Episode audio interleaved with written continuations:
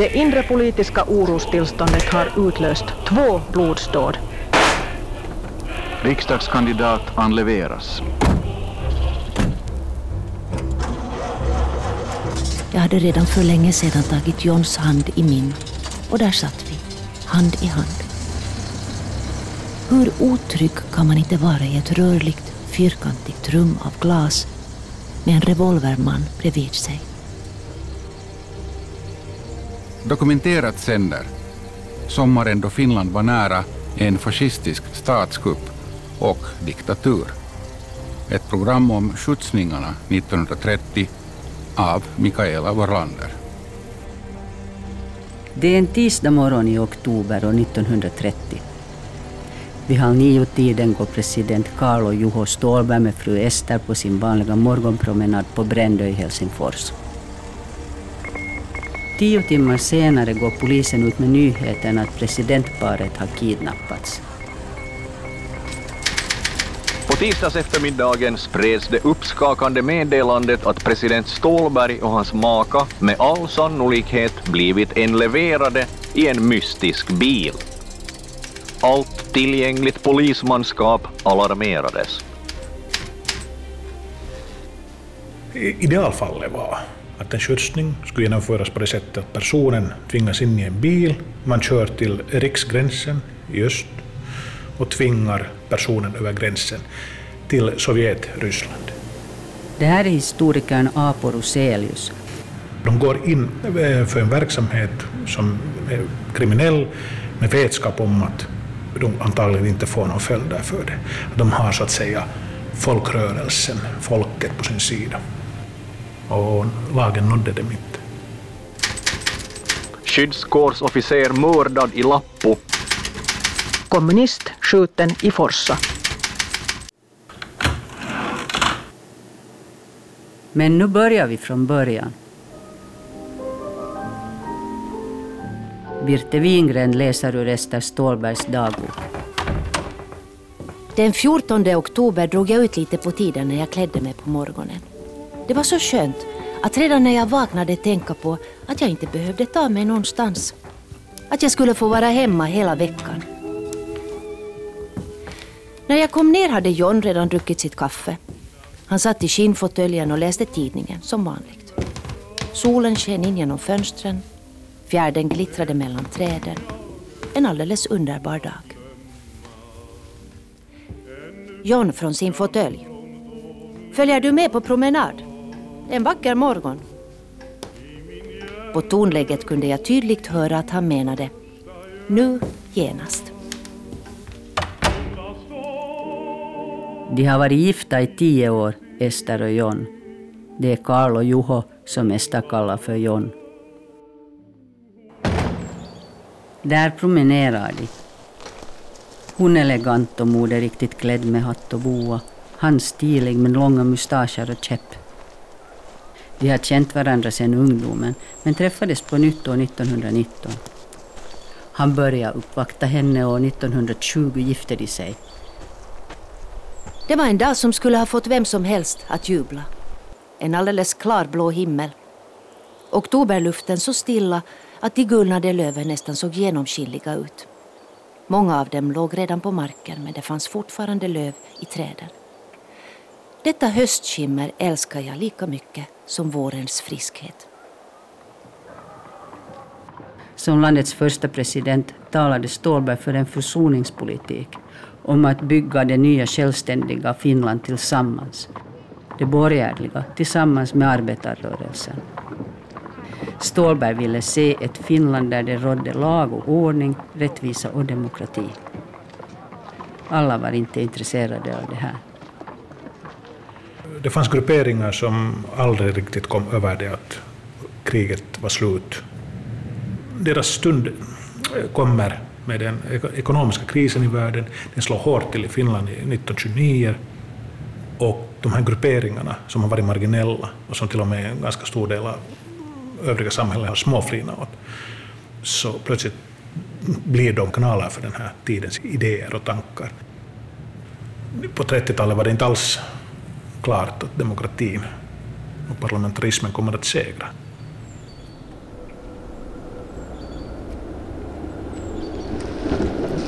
Vi gick lugnt, men ändå i riktigt promenadtempo. Av gammal vana vek vi av på Turholmsvägen. Sen den smala skogsvägen som vi älskade, för där var man gömd från hela världen. Som om man var någonstans väldigt långt borta. Men vad i hela friden? En bil. Jag stelnade till. Så slog det mig. Precis som, som händelserna den senaste tiden. Fullmäktigen Salminen togs ur sängen igår morse, fördes till Pispan Risti och pryglades. Under några månader, mellan maj och oktober 1930, skjutsar högerradikala aktivister 254 människor. Hackilast fördes till en skog mellan Lappo och Kuortane där han uppmanades tömma sina fickor och klä av sig emedan han nu skulle dö till följd av att han beskyddat rövare och kommunister.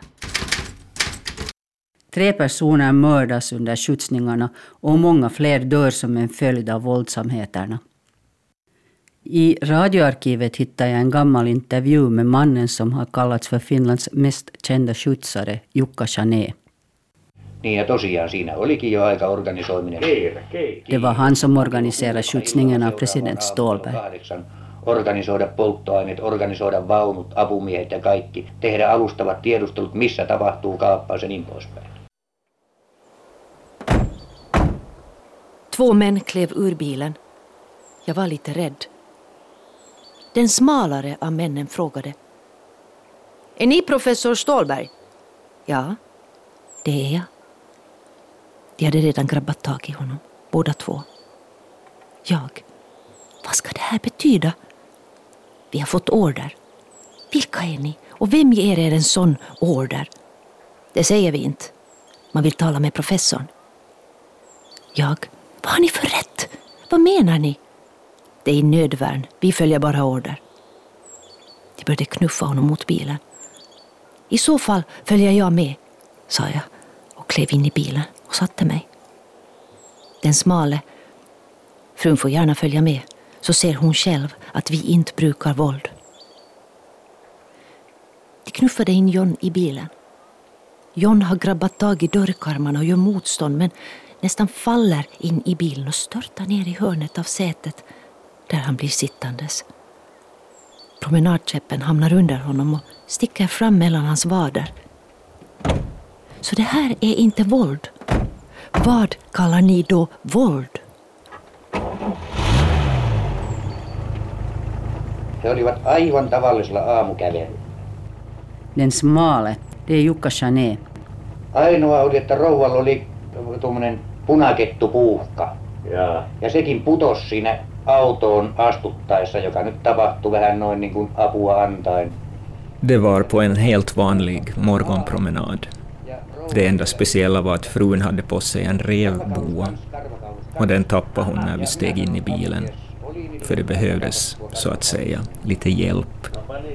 Frun sa att ta med pälskragen och jag sa då att ta med den. Semmoisiakin huuja liikkeelle, että ne olisi aivan vapaaehtoisesti menneet autoon. Ei, kyllä minä nostin tämän vanhan herran. Joo, joo. hänen käteen. Jag lyfte nog den gamla herrn in i bilen. Siis tuonne lanteiden kohdalle ja nostin takapäänet autoon. Jaa, että se pyristeli sentään vastaan. Ja apumies aukas oveen. Niin. Det är aktivisten Paavo Susitaival som har intervjuat andra högeraktivister i mitten på 50-talet.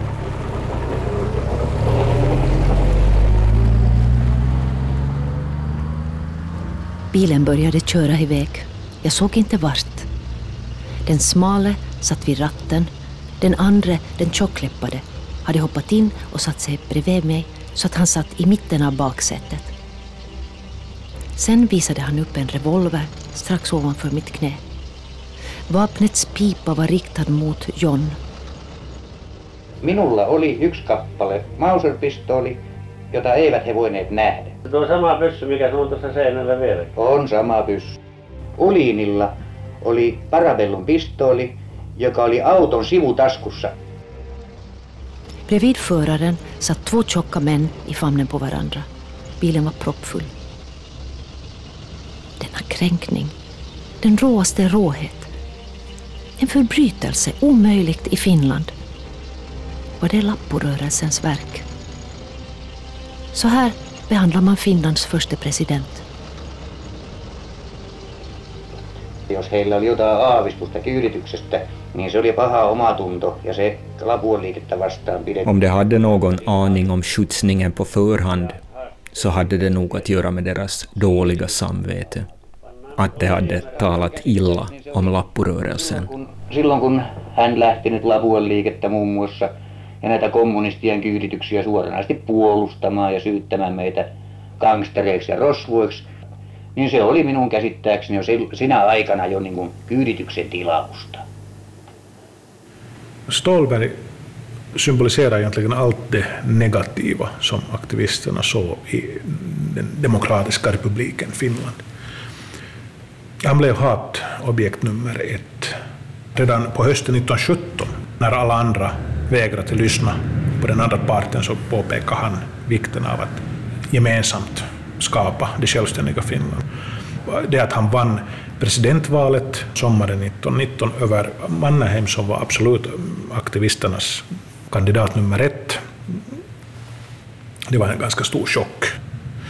Och eh, då är det många som känner stor besvikelse och speciellt eh, när Ståhlberg börjar förverkliga sin politik som går ut på att börja bygga broar mellan vänstern och, och borgerliga Finland.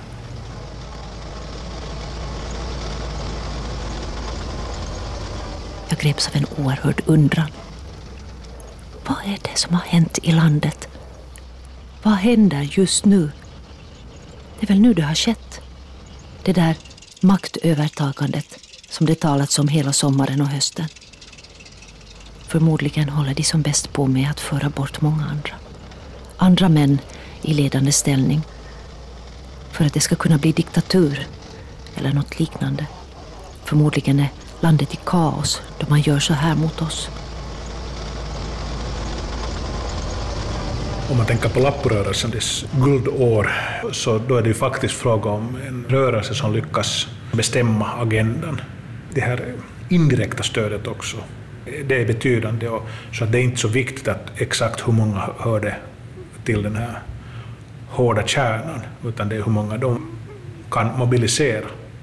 Och det här liksom såg farligt ut sommaren 1930 i Finland. 1930 är året när Finland kunde ha gått en annan väg än den demokratiska. Den här Lapporörelsen är inget annat än en del av den här, kan man kalla, europeiska radikaliseringen. Och sen att eh, uh, tvista om det, att, kan man kalla det en fascistisk eh, rörelse eller inte, så det då man förlorar liksom lite fokuset då. Det är fråga om samma fenomen, oberoende vad man kallar det.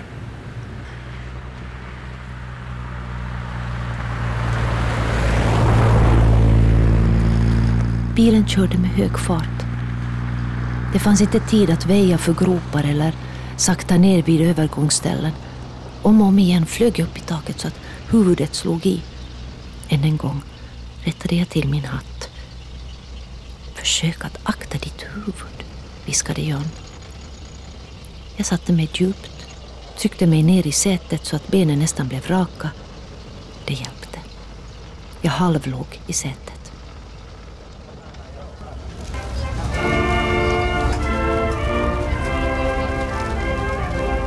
Med skjutsningarna vill Lapporörelsen med våld påverka samhällsutvecklingen. Den kallar sig för en folkrörelse och i folkets namn utövar den en påtryckningspolitik som från och med mars 1930 blir allt mer våldsam. Idag äger den största politiska demonstration som Finland någonsin skådat rum i vår huvudstad. 12 000 man hade hörsammat kallelsen till bondetåget och bringade till ett värdigt men bestämt uttryck de samhällsbevarande elementens orubbliga vilja. Kommunismen i Finland skall förintas. Sin makt visar Lapporörelsen upp i juli med bondetåget då 12 000 människor marscherar och kör i bilkaravaner längs gatorna i Helsingfors.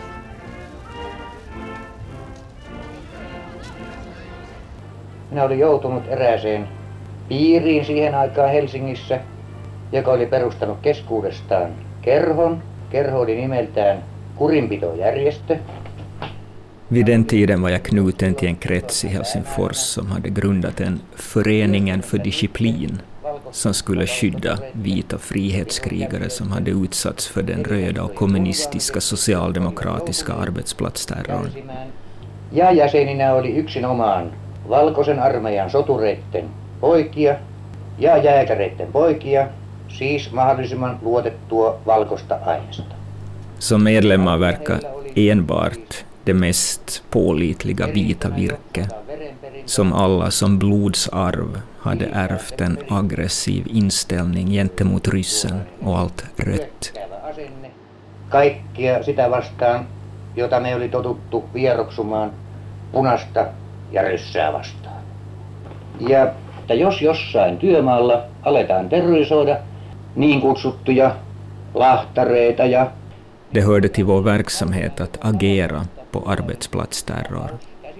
Om polisen inte ville eller kunde göra något så agerar vi enligt modellen terror ska besvaras med terror. Siis vastata samalla tavalla terroriin terroriin. Niin. Se tehoaa usein kaikkein parhaiten.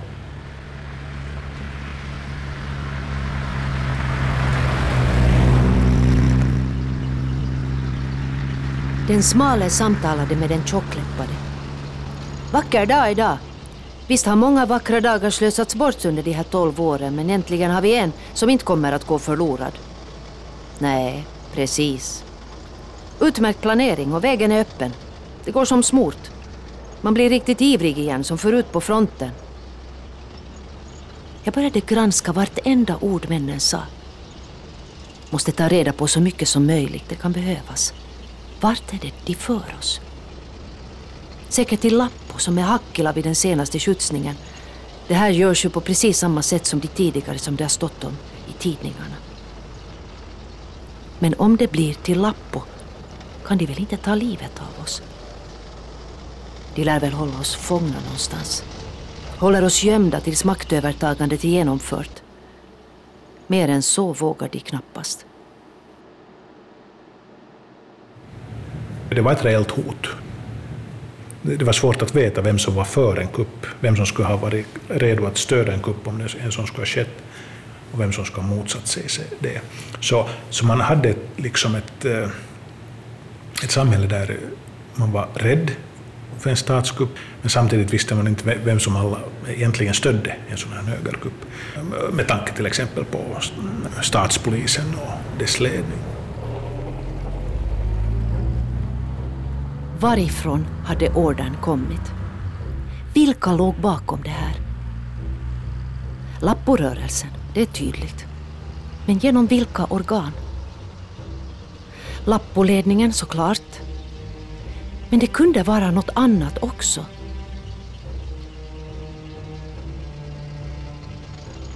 John satt tyst. Det kunde jag förstå. Han ville inte utväxla ett enda ord med dem. De måste vara vana och självsäkra då de inte undviker huvudleder. Vi stannade för att tanka. Men ingen tog någon större notis om varken passagerarna eller bilen. På andra sidan Lahtis var det återigen skog och ensamt.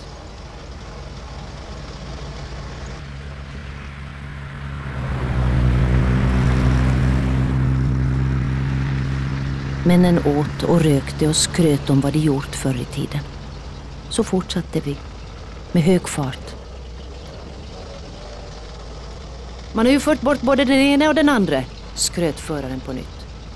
Hur skönt var det inte att få Röttke och Pekkala att sjunga? Och de vrålade sig igenom vilken folkvisa som helst på kommando. Men de här är ju något annat. Det är de nog, instämde den tjockläppade.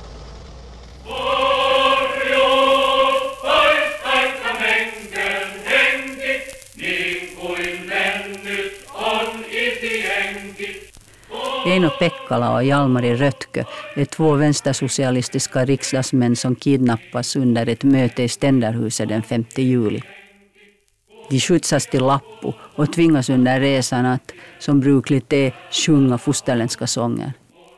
Den här sången är en favorit bland de högerradikala år 1930.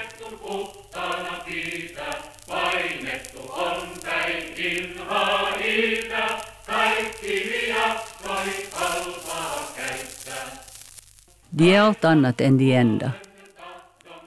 I juni skjutsas i genomsnitt nästan fem människor varje dag. Männen tvung Hellberg att stiga upp i bilen och skjutsade honom cirka 20 kilometer i riktning mot Nylands läns gräns. Där avklädde de Hellberg i skogen och slog honom med ett i skogen taget spö. Härefter kastade de sitt offer i landsvägsdiket och hotade honom med ytterligare repressalier om han vidare skulle hålla några valtal.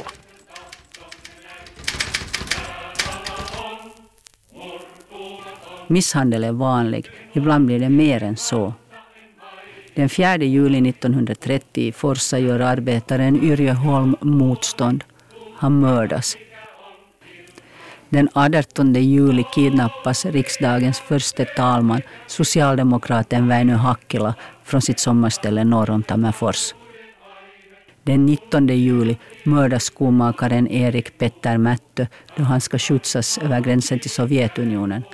Han blir skjuten så att säga i misstag av Pentti Kosola, sonen till Lapporörelsens ledare Vihtori Kosola. Liksom många andra skjutsare är Pentti Kosola berusad av hembränt eftersom förbudslag råder i Finland och det är förbjudet att använda alkohol. En natt under innevarande vecka anlände ett antal män till ordförandens i Loimijoki nykterhetsnämnd Nurmis bostad. De förde honom med bil till en skog där de först misshandlade honom och därpå tvungo honom att underteckna ett papper var i han lovade att avgå från sina kommunala förtroendeuppdrag, icke uppträda som talare och icke antasta spritlangare. Den 1 september kidnappas kommunfullmäktige Onni Happonen som misshandlas till döds. Han hittas senare nergrävd i en myrstack. Det är ett intressant fenomen att varför i en viss tid man blir dömd för en viss handling men att i en annan tid tycks det inte finnas kraft i samhället att döma för samma, samma handling. Och sommaren, våren 1930 så det är en oerhörd press från Lapporörelsens sida mot de här ledande i samhället. Det är stora spänningar. Det är en folkrörelse som drar genom hela landet samtidigt som, som det sker en radikalisering inom den här folkrörelsen. Skjutsningarna är bara en liten del egentligen av det här våldet. Man förstör, ser till att vänstertidningar upphör, man spikar fast dörrar vid arbetarnas lokaler och skapar hotbilder. Och till exempel då våldför sig just på, på olika sätt, på, både på institutioner och personer. Och ställer samtidigt stora krav på regeringen att eh, man måste förhindra till exempel att kommunisterna inte får verka i samhället. Vi befann oss återigen på odlingsmark. Det stod kor på vägen. Bilen blev tvungen att sänka farten och föraren klagade. Förbannade progressiva valboskap. Rödingförrädare. De står i vägen. En nedrig samling. En välbekant samling. Ser du? Under skjortan är de helröda, ryssvänner. Jag lyssnade med skräck i hjärtat. Om de verkligen trodde på sånt kunde de göra vad som helst med oss. Hur är det möjligt att människor kan bli så tokiga? Att de kan vända alla begrepp upp och ner så att de förblindas av passion och tappar förnuftet till den graden. De här tänker så, men delas deras uppfattning av de stora massorna? Om de gör det är hela folket förlorat. Så det, det som eh, de moderata var rädda för var att mångas lojaliteter skulle vara hos de här kuppmakarna som för många representerade äkta Finland. Så att det fanns av dessa nätverk, aktivistnätverk på olika håll. Inom industrin, inom militären och så vidare. Fastän vi ibland klev ur bilen hittade våra händer varandra på nytt. Och så fortsatte vi vänta på hur det hela skulle sluta. Någon gång skulle det givetvis ta slut. Vi åkte österut. Gamla Sankt Mikkel skymtade förbi.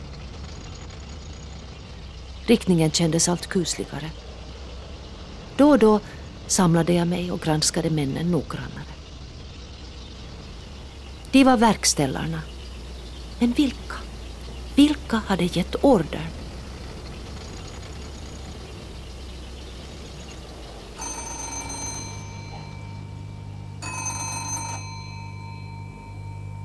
Stolberin kyyditys on todistettavasti saanut alkusysäyksen Sortavalasta tulleesta puhelusta. Budet som det talas om i intervjun kommer från Sordavala. Meddelande lyder Se plåtovuorikin pitäisi panna kyytiin. Kenraali käskee. Den där Stålberg borde skjutsas. Generalen befaller. Samtalet bandas och trots att det senare gjordes försök att radera det finns det kvar som ett bevis på att befallningen verkligen kom från en högt uppsatt militärofficer, överstelöjtnant Eero Kuussaari. Han befinner sig i Sortavala tillsammans med andra militärer, jägare och skyddskårister. Också stabschefen general Valenius är på plats.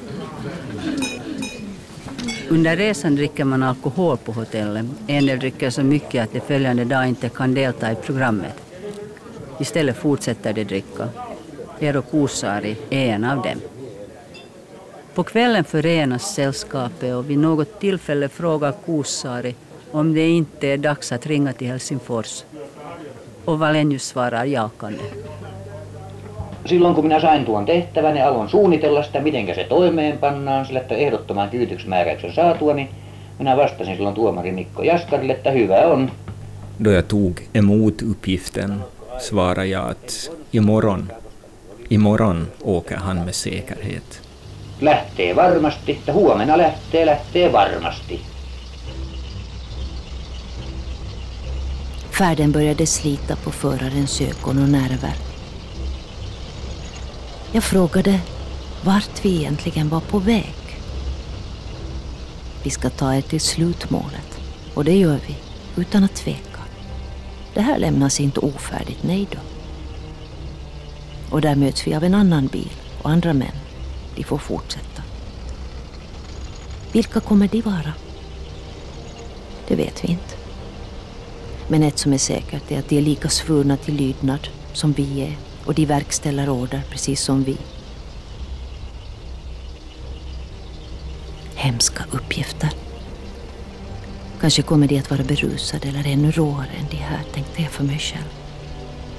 De ska genomföra det sista uppdraget, vad det än är. Kanske hemskare än vad de här männen gör.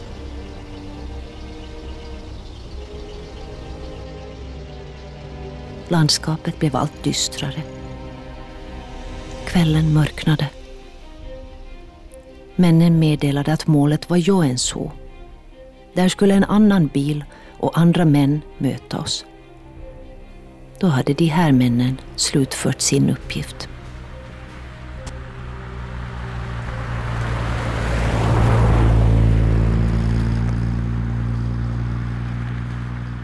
Nu var det tydligt att vi var på väg mot gränsen. Varför skulle vi annars till Joensuu? Jag greps av en känsla av enorm otrygghet.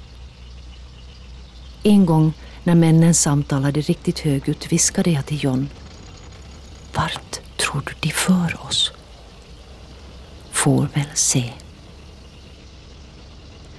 Det kom med den vanliga lugna betoning som jag kände så väl.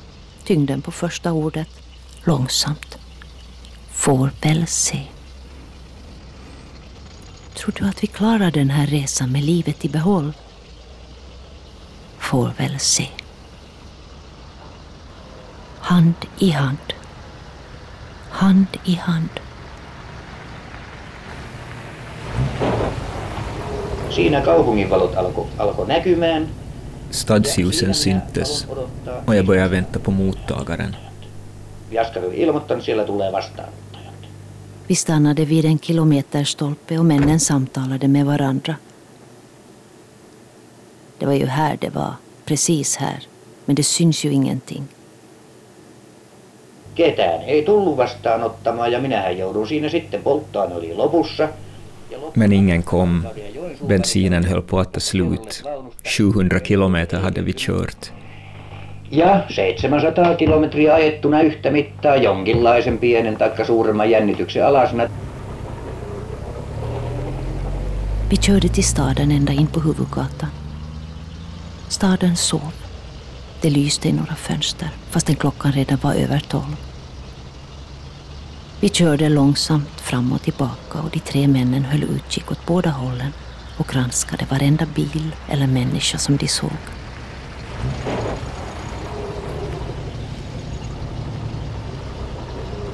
De blinkade med billyktorna, men ingen bil stannade. Ingen lade märke till oss. Sittenhän siinä ei ollut muuta kuin minä aloin haikailla sitten, että no mihkäs minä nyt nämä paketit panen, kun ei ole vastaanottajia. Männen körde fram och tillbaka på samma gata i en hel timme. Och ett par gånger stannade vi vid stolpen som vi stannat vid tidigare. För att sedan fortsätta. Ja lähdin ajelemaan kaupunkiin sitten. Tuomasta kai siellä jonkinlaisen meikäläisen löytää, että. Vart ska jag riktigt leverera paketen? Nå, i stan ska jag väl hitta någon av de våra. Mihinkä nämä Niin? pakkaukset pannaan tästä?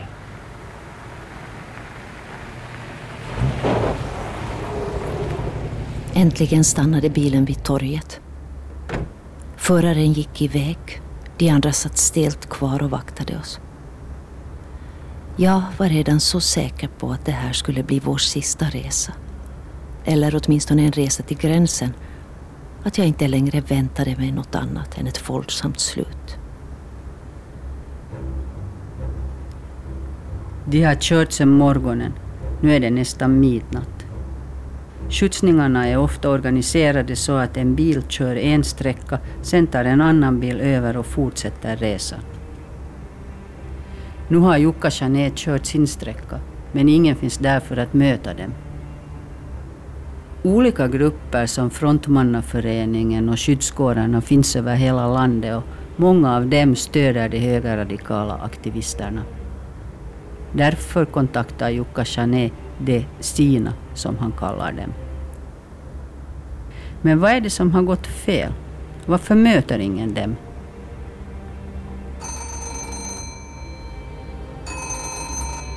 Suomen Lukos sekreterare Mikko Jaskari hade fått ordern av den berusade översten Eero Kuussaari som gett den vidare till Jukka Jané. Därefter har han i ett telegram bett om en bekräftelse och föreslagit en plats för bilbyte. Det högsta skiktet inom finska armén är inblandat. Men när meddelandet når fram till general Valenius har han inte tillgång till kodnyckeln och därför läser han inte telegrammet. När han till slut läser det stoppar han skjutsningen. Då är det redan för sent, men den kommunikationen vet Jukka Jané ingenting om. Joo, minä ajoin sitten apteekkiin aivan umpimähkää ja, ja kyselin sitten, että onko siellä nyt sellaisia henkilöitä tämä apteekkari tiedossa, jotka mahdollisesti tietäisivät jotain näistä kyydityksistä, että minullakin sattumalta on tuolla yksi pakkaus matkassa, eikä vastaanottajia ole tullut. Så jag körde till apoteket för att fråga om apotekaren skulle veta någon som känner till något om den här skjutsningen. Att jag råkar ha ett paket men ingen mottagare. Hän kävi puhelimessa ja tuli ilmoittamaan sitten minulle, että asia on niin, että teidän pitäisi jatkaa nyt Kuopion suuntaan. Och så fick jag beskedet att jag borde fortsätta till Kuopio. Föraren kom tillbaka. Han var förändrad. Med en alldeles förändrad, fullständigt mänsklig röst meddelade han. Nu är saken klar. Den andra bilen kommer inte, ni kan gå. Det var riktat till männen. Männen krängde sig ut ur bilen. Jag kunde inte tro mina öron. De kommer inte. Ett under hade skett. Ett helt uppenbart under. Har ni respengar? frågade ledaren männen och tog fram en sedelbunt. Det hade de. Se till att ni tar er till järnvägsstationen. Jag tar de här till Helsingfors. Minä kysyn kyyditysapumiehiltä, onko teillä pojat kummallakin rahaa. Niin. Kyllä heillä on. No sitten teidän täytyy saada junaliput tästä siis pääkaupunkiin takaisin. Niin. Että minä jään nyt näiden kanssa, koska todennäköisesti tämä asia on mennyt jollain tavalla sekaisin ja ristiin. Då jag märkte att det inte finns någon mottagare frågade jag hjälpmännen om de har pengar.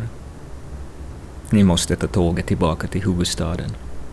Ei, ne oli jossain viettäneet yönsä muistaakseni asema, asemahuoneessa ja kävellen ulkona.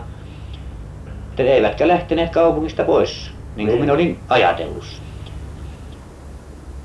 Bildörren hade lämnats öppen och han satte foten på trappsteget och sedan böjde han sig ner mot oss och talade med en civiliserad och alldeles befriad ton. Nu måste jag se till att jag inte åker fast. Om jag släpper er fria här så larmar ni givetvis polisen med en gång. Om jag tar er till Helsingfors kan jag försvinna. Han körde till gamla apoteket för att ta bensin, klev ut ur bilen och gick för att ringa på dörrklockan. Sedan gick han förbi bakom bilen och försvann. No joo, me katseltiin sitten siinä ikkunasta ulos, että se on Stolber rouvinaan, kun mulla on tuossa autossa ja vastaanottajia ei ole. Ja mitäs minä teen nyt oikein? Några minuter senare tittade vi på varandra. Han kommer nog inte tillbaka. Vi öppnade dörren och stod på gatan. Den tomma gatan. Vi gick därifrån. Me katsottiin ikkunasta ulos. Ja silloin tämä pariskunta nousivat vaunusta ulos ja ottivat toisiaan niin nätisti kädestä kiinni ja lähtivät kävellä paapottelemaan katua pitkin. No jouti mennä, koska tämä kyyditys on mennyt sekaisin kerran, eikä vastaanottajia ole. Ja minulla ei ole mahdollisuutta enää jatkaa. Och så tittade vi ut genom fönstret och såg hur paret steg ut ur bilen och så nätt tog varann i handen och började promenera längs gatan. Följande dag tar det tåget till Helsingfors. Ja sitten kun Stolberia lähdettiin komiasti viemään toisen luokan rautatievaunulla jälleen Helsinkiä kohden, niin nämä pojat osti junaliput ja menivät kolmanten, kolmannen luokan vaunuun samaan junaan. Så då Stålberg fördes elegant i andra klass till Helsingfors tog pojkarna tredje klass i samma tåg.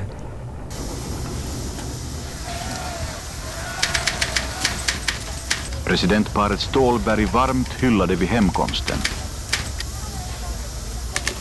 Hyllningar överallt på återfärden. Vid varje stopp samlas det människor som sjunger och överräcker blommor. Hemresan blir ett segertåg som tidningarna skriver stort om. Precis klockan 7.40 körde nattåget från Viborg in genom dimman. Pressfotograferna trängde sig fram och en våg av förväntan gick genom människomassorna. Några minuter efter det tåget stannat och de övriga passagerarna stigit av visade sig president Stålberg med familj på vagnsplattformen och steg ned på perrongen. Bredvid honom stod hans maka med ett fång ljusröda rosor. President Stålberg yttrade följande ord. I människolivet växlar ljus och skugga. Så har det gått även på den färd från vilken vi nu återvända. Den ena dagen utan allt lagligt rättsskydd, berövade den i grundlag garanterade friheten. Den följande åter andas vi den lagliga samhällsordningens rena luft och röra oss på rättsordningens säkra grund. Den som erfarit sådant tvekar icke i valet, i synnerhet om han under hela sitt liv, årtionde efter årtionde, blivit allt fastare övertygad därom att ett människovärdigt liv för de enskilda medborgarna bäst är nås på den lagliga rättsordningens grund i en demokratisk stat.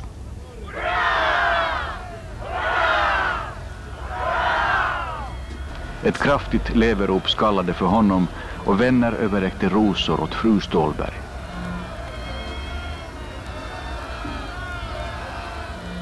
De hemkomna följdes av leverop samt viftning med hattar och näsdukar. Då de nådde stationsporten sjöngs vårt land, följt av nya leverop.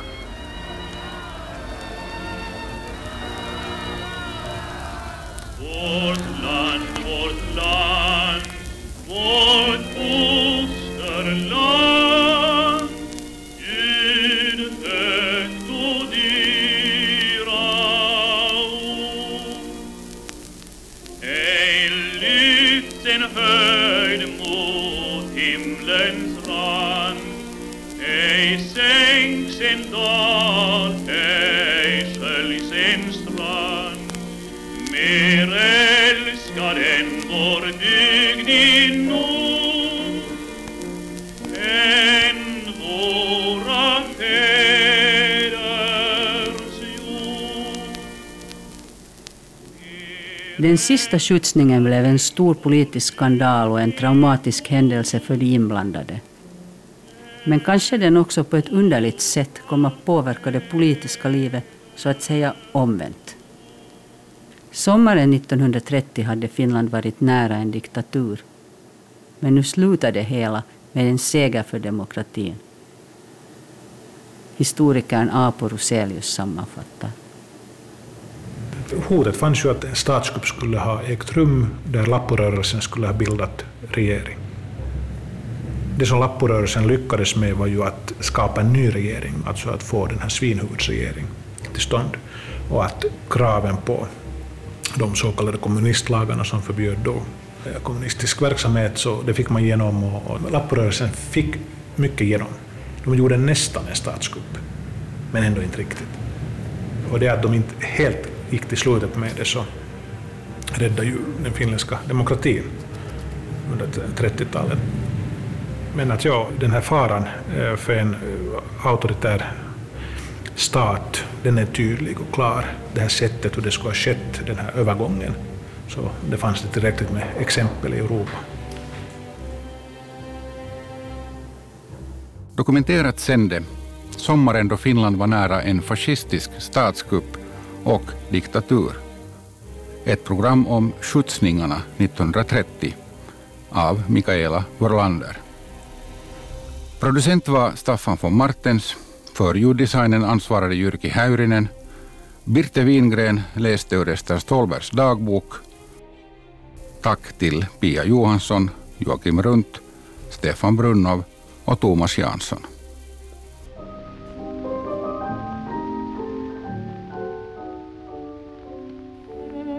Vi, John och jag, var ute på promenad på morgonen. Fast lite senare än samma dag för fem år sedan. Varje år har jag kommit ihåg dagen och gratulerat John och mig själv att vi fortfarande lever. Jag var ändå sorgsen över minnet och jag frågade John, är du inte ledsen över att det har hänt? Varför skulle jag? Förr var jag det. Men det är redan fem år sedan. Och nu är det gammalt. Kom hellre ihåg vad de gamla romarna sa. Var nära inte dig själv. Andra kan inte göra det. Med det mattades även mitt minne.